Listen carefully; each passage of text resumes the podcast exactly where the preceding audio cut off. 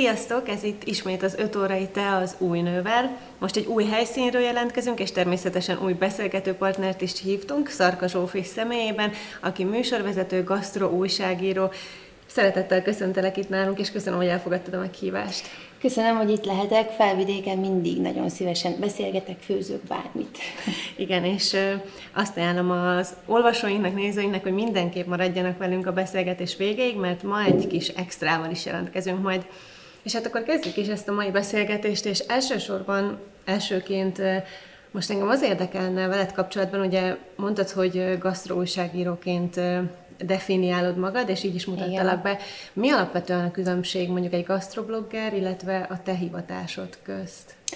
Azt hiszem, hogy pici különbség van a, a néző közönség részéről, de nekünk, akik a szakmában vagyunk, mégis nagyon számottevő az, hogy mi gasztroúságírók nagyon sokat kutakodunk a receptek után. Tehát, hogy ez a recept az igazán jó legyen. Mi magunk is írjuk a recepteket, és azt gondolom, hogy egy gastroblogger, ez jobbára a food styling, inkább az apkása is nagyon csinin nézzen ki, egy picit többet áldoznak erre, ami szintén nagyon jó, hiszen imádunk képeket nézegetni, és most már az Insta, a Facebook, bármelyik közösségi média azért erről szól, de mégis um, Nekem az én szívemhez közelebb áll az, hogy én nagymamákhoz járok tanulni, lejegyzetelem a receptet, én otthon leülök és megírok egy jó alapanyaghoz egy receptet, és gyűjtögetem, publikálom, hiszen azt gondolom, hogy a, a szakácsoknak nem mindig feladata, és nincs mindig ideje arra, hogy ők ezzel foglalkozzanak, és mi gasztroúságírók vagyunk azok, akik levesszük a vállukról a terhet, és megosztjuk a közönséggel, hogy minél többen ehessünk jó jókat, és minél többen készíthessünk jó ételeket. Igen, és akkor menjünk is vissza kicsit az időben, hogy hogy, hogy is kapcsolódtál te így szorosan össze a gasztronómiával, mert ha jól tudom, azért nem rögtön erre a pályára, vagy ezen a pályán indultál el. Hát sok kanyar volt előtte, és azt gondolom, hogy egy kicsit a véletlenek sorozata is, bár ritkán hiszek a véletlenekben, mégis ezt kell mondanom, hogy Hát én felvidéken születtem Nátszegen, és hát kevés olyan lokálpatrióta van, mint én azt gondolom. Imádom Nátszeget és a felvidéket, ahányszor csak, teszem, ahányszor csak tudok, hazajövök.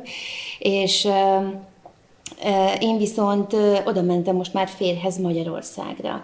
És hát kár lenne mindent Andrásra fogni, de 14 éves koromban én eljöttem Győrbe középiskolába, és hát orgona szakon tanultam és végeztem. Úgyhogy egészen máshogy indult. Végül aztán elkezdett nagyon intenzíven érdekelni az étel és a főzés. Ez nagyon sok köze volt anyukámnak, aki kiskorunktól fogva beállított maga mellé minket, és tapicskolhattuk a palacsinta tésztát nagyanyámhoz, aki hatalmas konyhát vezetett, de egészen ük nagyanyámig, aki viszont ilyen erdész házban, konyhalányokkal, búbos kemencével vezette szintén a családi konyhát, és engem ez borzasztóan izgatott, amikor is leérettségiztem, akkor úgy döntöttem, hogy én szeretnék egy bisztrót nyitni, de ehhez a professzionális képzés mégiscsak úgy gondoltam akkor, hogy az üzleti vonalból kell. Ezért egy üzleti kommunikációt választottam, Pestre mentem az egyetemre, de mellett én folyamatosan jártam éttermekbe dolgozni. Ezért nem évekig különben dolgoztam egy helyen, hanem folyamatosan máshol, és ez azért volt, hát mindig újat akartam tanulni. És aztán úgy alakult, hogy jött egy lehetőség, amikor kimentem Olaszországba egy Michelin csillagos étterembe, Verona mellé, Isola Rizzába, Giancarlo Perbellini éttermébe, és ott töltöttem a stást, ami azt jelenti, hogy egy ilyen gyakorlat, Hát és ott az megváltoztatott mindent. Van egy-két sztori, amit el szoktam ilyenkor mondani, mert azt gondolom, hogy nagyon sok sztereotípia övezi ezeket a mislenes étterek, éttermeket, de ott leginkább alázatot lehetett tanulni. Tehát a tulajdonosnak egyáltalán nem volt probléma az ármani öltönyére fölcsatolni a kötényt, és hajnali kettőkor, amikor még mindig súroltuk, hiszen hozzátartozik a jó étteremvezetéshez a higiénia, tisztaság, a fogákat, mert nem végeztünk még hajnali egykor, letérdelt ő is, és, és besegített. És ez nagyjából ez a, ez a mentalitás, ez az üzletvezetés, és ez a lojalitás a, a személyzettől, ez ettől alakult ki, és nem tudtam mit mondani a végén Giancarlo-nak csak azt, hogy hát köszönöm. Köszönöm, hogy itt lehettem, mert egyszerűen nagyon annyi, annyi mindent megváltoztatott bennem, és ezután hazajöttem, nyitottam egy-egy főzőiskolát, mert azt éreztem, hogy ezt meg kell mutatnom másnak is. Nem csak a recepteket, hanem a főzés örömét. Beszélünk majd mindenképp a Michelin csillagos éttermekről is egyébként, hogy milyen más tapasztalataid is vannak, de még ha már említetted az anyukádat és a nagymamádat, akkor egy picit még hozzájuk visszatérnék, mert hogy a gyerek életében azért ahhoz, hogy ő megszerethesse a főzést, valószínű, hogy kellenek ilyen alapok, szóval, hogy mik voltak azok a, a legelső kis dolgok, amiket őtőlük megtanultál? Hát igen, az, hogy én ilyen erős lokálpatrióta vagyok, ahhoz az is hozzájárul, hogy borzasztóan jó család vesz körül, és, és nagyon szeretünk enni. és így, hogy szeretünk enni, mindenki szeret főzni. És ezt úgy ért, hogy, hogy az öcsémtől kezdve, aki nagymamám híres paprikalekvárját most is kevergeti valahol, és apukám dettó, és természetesen anyukám is a, a tökéletes receptjeit vasárnaponként lefőz, és mi arra érkezünk. Úgyhogy igen, ezek nagyon-nagyon meghatározóak, hogy nálunk azért eléggé ételközpontú a gondolkodás, szerintem még egészséges módon.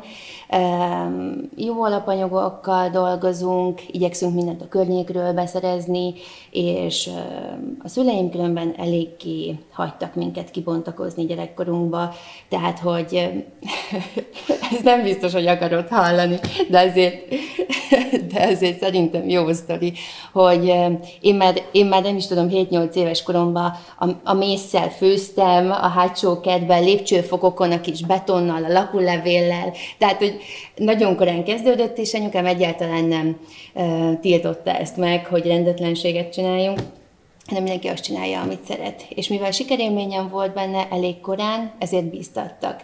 És nagymamámnak a, a híres töltött káposzta receptje az, az mindenki számára egy ilyen etalon, és azt gondoltam, hogy ezt miért ne tudnám én lefőzni 17 éves koromban. Aztán rájöttem, hogy nem, kell hozzá még 70 év, de ez egy gyakorolni érdemes. Most már lefőztem azért egy 100 alkalommal, úgyhogy most már félelmetesen hasonlít, és azt hiszem, hogy itt is volt az ideje.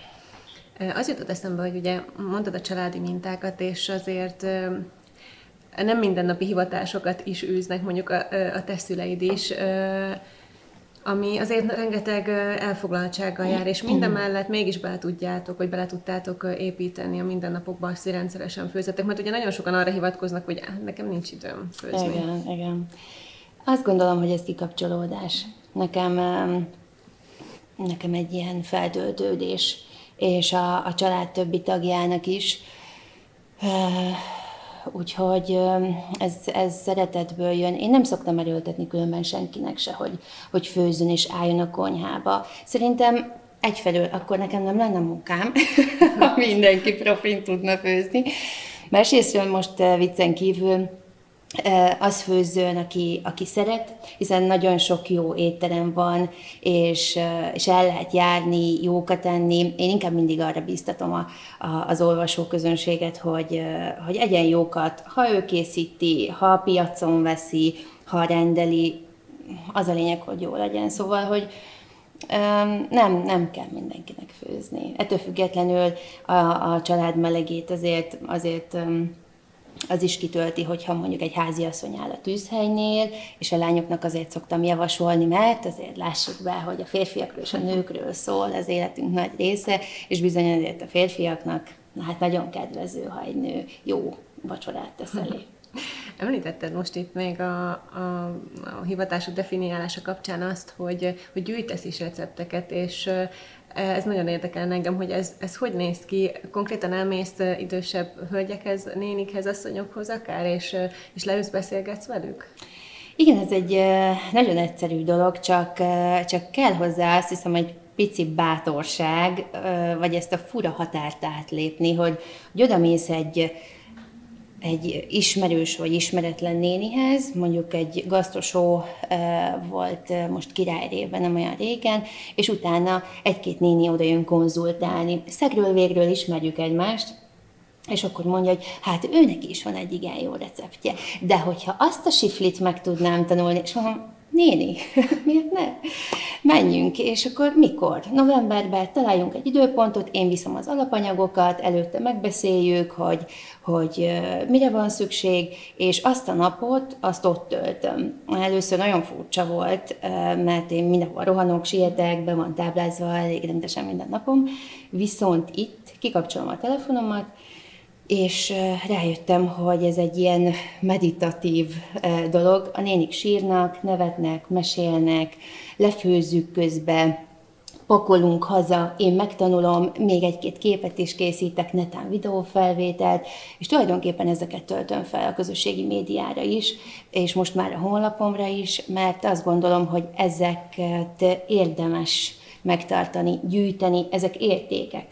Bármilyen picinek is tűnik, azt szoktam mondani, hogy nagyon nagy boldogságot tud okozni egy-egy tökéletes töpörtyűs pogácsa receptje egy háziasszonynak, hogyha le tudja tenni a szombaton egy ebédhez, mert azt mondják a, a család többi tagjai, hogy hát ez fogácsa lett Lívia. szóval, hogy e, szerintem, hogyha ezt átörökítjük és megtanítjuk a lányunknak, vagy az unokánknak, akkor már egy kis történelmet, egy kis értéket, egy kis hagyományt továbbadtunk. Akkor ezeket a recepteket te nem is nagyon szoktad módosítani? Vagy, vagy van olyan azért, hogy egy ilyen klasszikus bevált recepttel is még kísérletezel? Hát vannak azért kiindulási pontokként receptek, amit aztán tovább fejlesztek, hogyha azt gondolom, hogy most már van olyan technológia, ami lerövidíti, vagy esetleg még jobban kihozza az ízét, hozzáadok még egy kis friss zöldséget, gyümölcsöt. Nagyon szeretem a régi paraszti konyhát, ami azt jelenti, hogy a, a, a krumpli, a zsír, a szalonna, a liszt, a főszereplői, de azért ma már nem így étkezünk.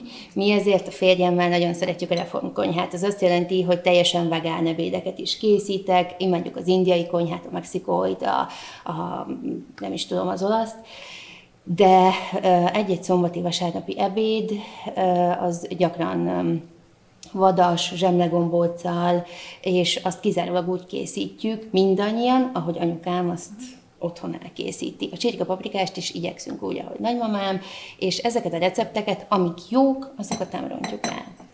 Akkor egyetértesz mondjuk azzal, hogy abszolút a most a 21. században is megférnek egymás mellett ezek a, ezek a hagyományos ízek, illetve hát a nagyon modern dolgok is?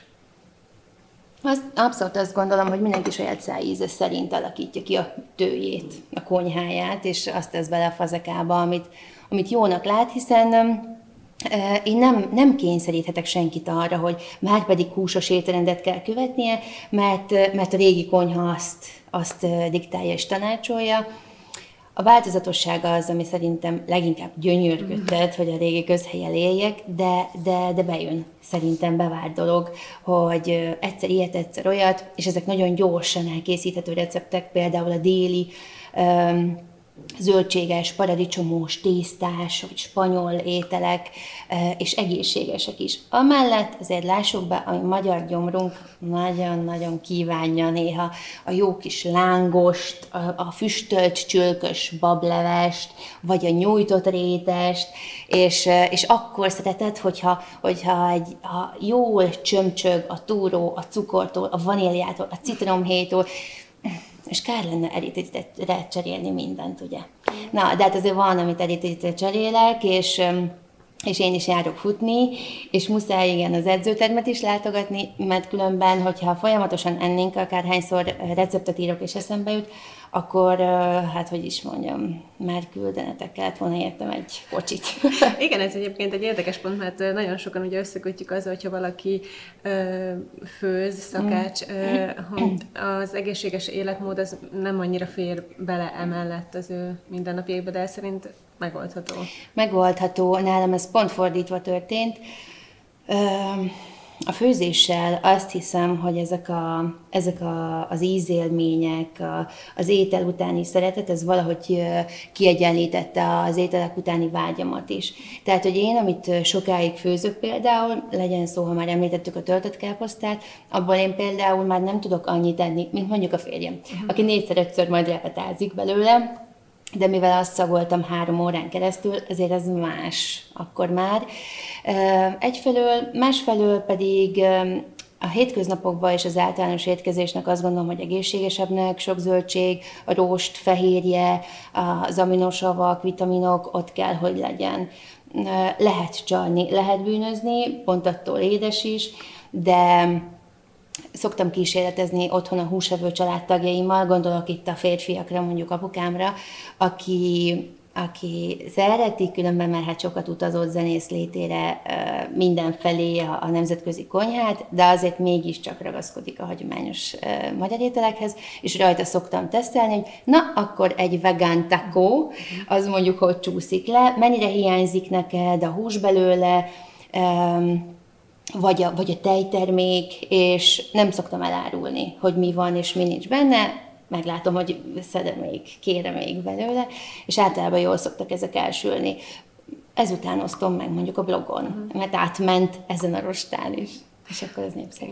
Felmerül bennem az a kérdés, hogy aki, aki hivatásszerűen főz, annak aztán tényleg van még kedve, akár mondjuk hétvégén is beállni oda a konyhapont mögé, és, és készíteni valamit? Hogyha egész héten mondjuk ezzel foglalkoztál, és másoknak is így átadtad a tudásodat? Hát, ha családtagjaimat kérdeznéd, akkor azt mondanák, hogy én nem is tudnék élni ennélkül valószínűleg. Egy ilyen fanatizmus van szerintem rajtam. Tulajdonképpen elvonási tüneteim vannak akkor, hogyha nem főzhetek 24 órán át. Ha elmegyünk valahova kirándulni, és muszáj egy olyan apartmanba is lennünk, ahol én elmegyek a piacra, bármelyik országban legyünk, és akkor én főzök amellett, hogy kipróbáljuk az éttermeket, meg a helyi bistrókat, de amint rendet rakok a konyhába, mindent elmosogattam, mindent letörölgettem, egyszerűen megkívánom ezt a szép, tiszta konyhát, hogy akkor gyerünk, kezdjük előről. És mindig azt mondják, hogy csak legyen, aki megegyen. A szomszédoknak hordom, a barátoknak, mert mi sem bírunk már ennyi mindennel, meg nem lehet ennyi mindent, de nem tudom megunni, imádom. Imádom egyszerűen. Sokszor felmerül egyébként ugye mondjuk úgy problémaként a háziasszonyok életében az, hogy nem tudnak már inspirálódni, hogyha minden nap főzniük kell, és mondjuk nem ez a hivatásuk szerint. Hogy lehet megtalálni azt az arany középutat mondjuk, hogy a lányok tényleg kedvet kapjanak a főzéshez, de ugyanakkor be tudják így illeszteni még a mindennapokba, és nem menjen annak a rovására, hogy tényleg úgy megunják, és csak ilyen úgymond egy kötelező dologként csinálják. Hát Szerintem beszélgetni kell róla. Um, hogyha mi sokat beszélgetnénk, említetted, hogy te annyira nem gyakran főzöl. De hogyha sokat beszélgetnénk, és mondjuk sokat tartózkodnánk egy légtérbe, szerintem óhatatlanul is megfertőznélek, mert nem tudom kikerülni ezt a témát. És hogyha elmegy egy háziasszony is a piacra, mondjuk szombatonként, én hatalmas piac fan vagyok, és ez, nagyon sokat főzök piacokon is. Pont azért, mert az egész olyan különben, mint egy, mint egy színház. Beszélgetünk, ismerősökkel találkozunk, alkudozunk, jókat eszünk, netán iszunk, valakik már reggel pesgőznek, de maradjunk a kávénál. És és ők azok, szerintem, akik inspirálják mondjuk a vásárlót. Mindenkinek van egy jó receptje. Elmondja, hogy az a szezonális zöldség vagy gyümölcs, na azt most miért kell megvenned, mit lehet belőle csinálni, három perc alatt négy receptet hallasz, és akkor azt mondod, hogy jó, hát érdemes hazavinnem azt a kiló diót, a kiló bírsalmával, mert biztos, hogy egy jó édesség lesz belőle, ha csak egy leveles tésztát terítek alá, akkor is, mert, mert egészséges, van benne tápérték, tápanyag, mikor, ha nem most, és Persze vannak ilyen unalmas metódusok, amikor kötelességből kell lennie otthon ételnek, de attól függetlenül mindig kell valami kis inspiráció, és azt gondolom, hogy barátnőkkel, vagy egy jó kis tracspartira, hogyha mindig valaki főz valamit, már csak rá lehet licitálni, meg überelni, már az is jó inspiráció. Szóval kell belecsempészni egy-egy ilyen gasztrosztorit jelenetet az életünkbe, mert hát kikerülhetetlen. És ezért jobb, ha élvezzük, mint hogyha nem. Teljesen igaz. És mi a helyzet a férfiakkal? Hogy lehet mondjuk nekik kedvet csinálni ahhoz, hogy néha-néha azért mondjuk ők is odálljanak a, a konyhába, és akár vagy egy közös főzés keretében, hát ez egy nagyon jó program, azért lássuk be. Szóval, hogy hogy lehetne nekik kedvet csinálni? Hát ezt gondolom, hogy őket is ott azon a ponton lehetne megfogni, hogy a lányoknak ezzel tudnak kedveskedni, vagy akár a feleségeiknek, én is mondom a, a férjemnek, hogy persze én tehetem főzök, de azért havonta egyszer mondjuk, hogyha nagyon nem érkezek az ebéddel, akkor nagyon jól esik, hogyha ő elém rak akár csak egy pörköltet, vagy az ő specialitását, a bolonyai spagetti. Szóval például ilyennel azért ilyen szükségszerűen rá lehet venni venni, de ahogy apukámnál látom, meg mondjuk öcsémnél, vagy a baráti társaságunkban, azért ez a kinti bográcsozós, vagy barbecue, azért ez egy ilyen közösségteremtő valami. Akár télen is, egy borozásnál, csak oda raknak valamit a grillre, vagy egy rostlapra, az asztal középre, lehet rá jókat sörözni, borozni, és azért nem kell mindig rendelni, hanem egy picit fel lehet vágni azzal, hogy na, ezt a bordát én pácoltam, én sütöttem, nagy tudás nem kell hozzá, de azért mégis egy pici affinitás ahhoz, hogy valaki hozzányúljon egy hús.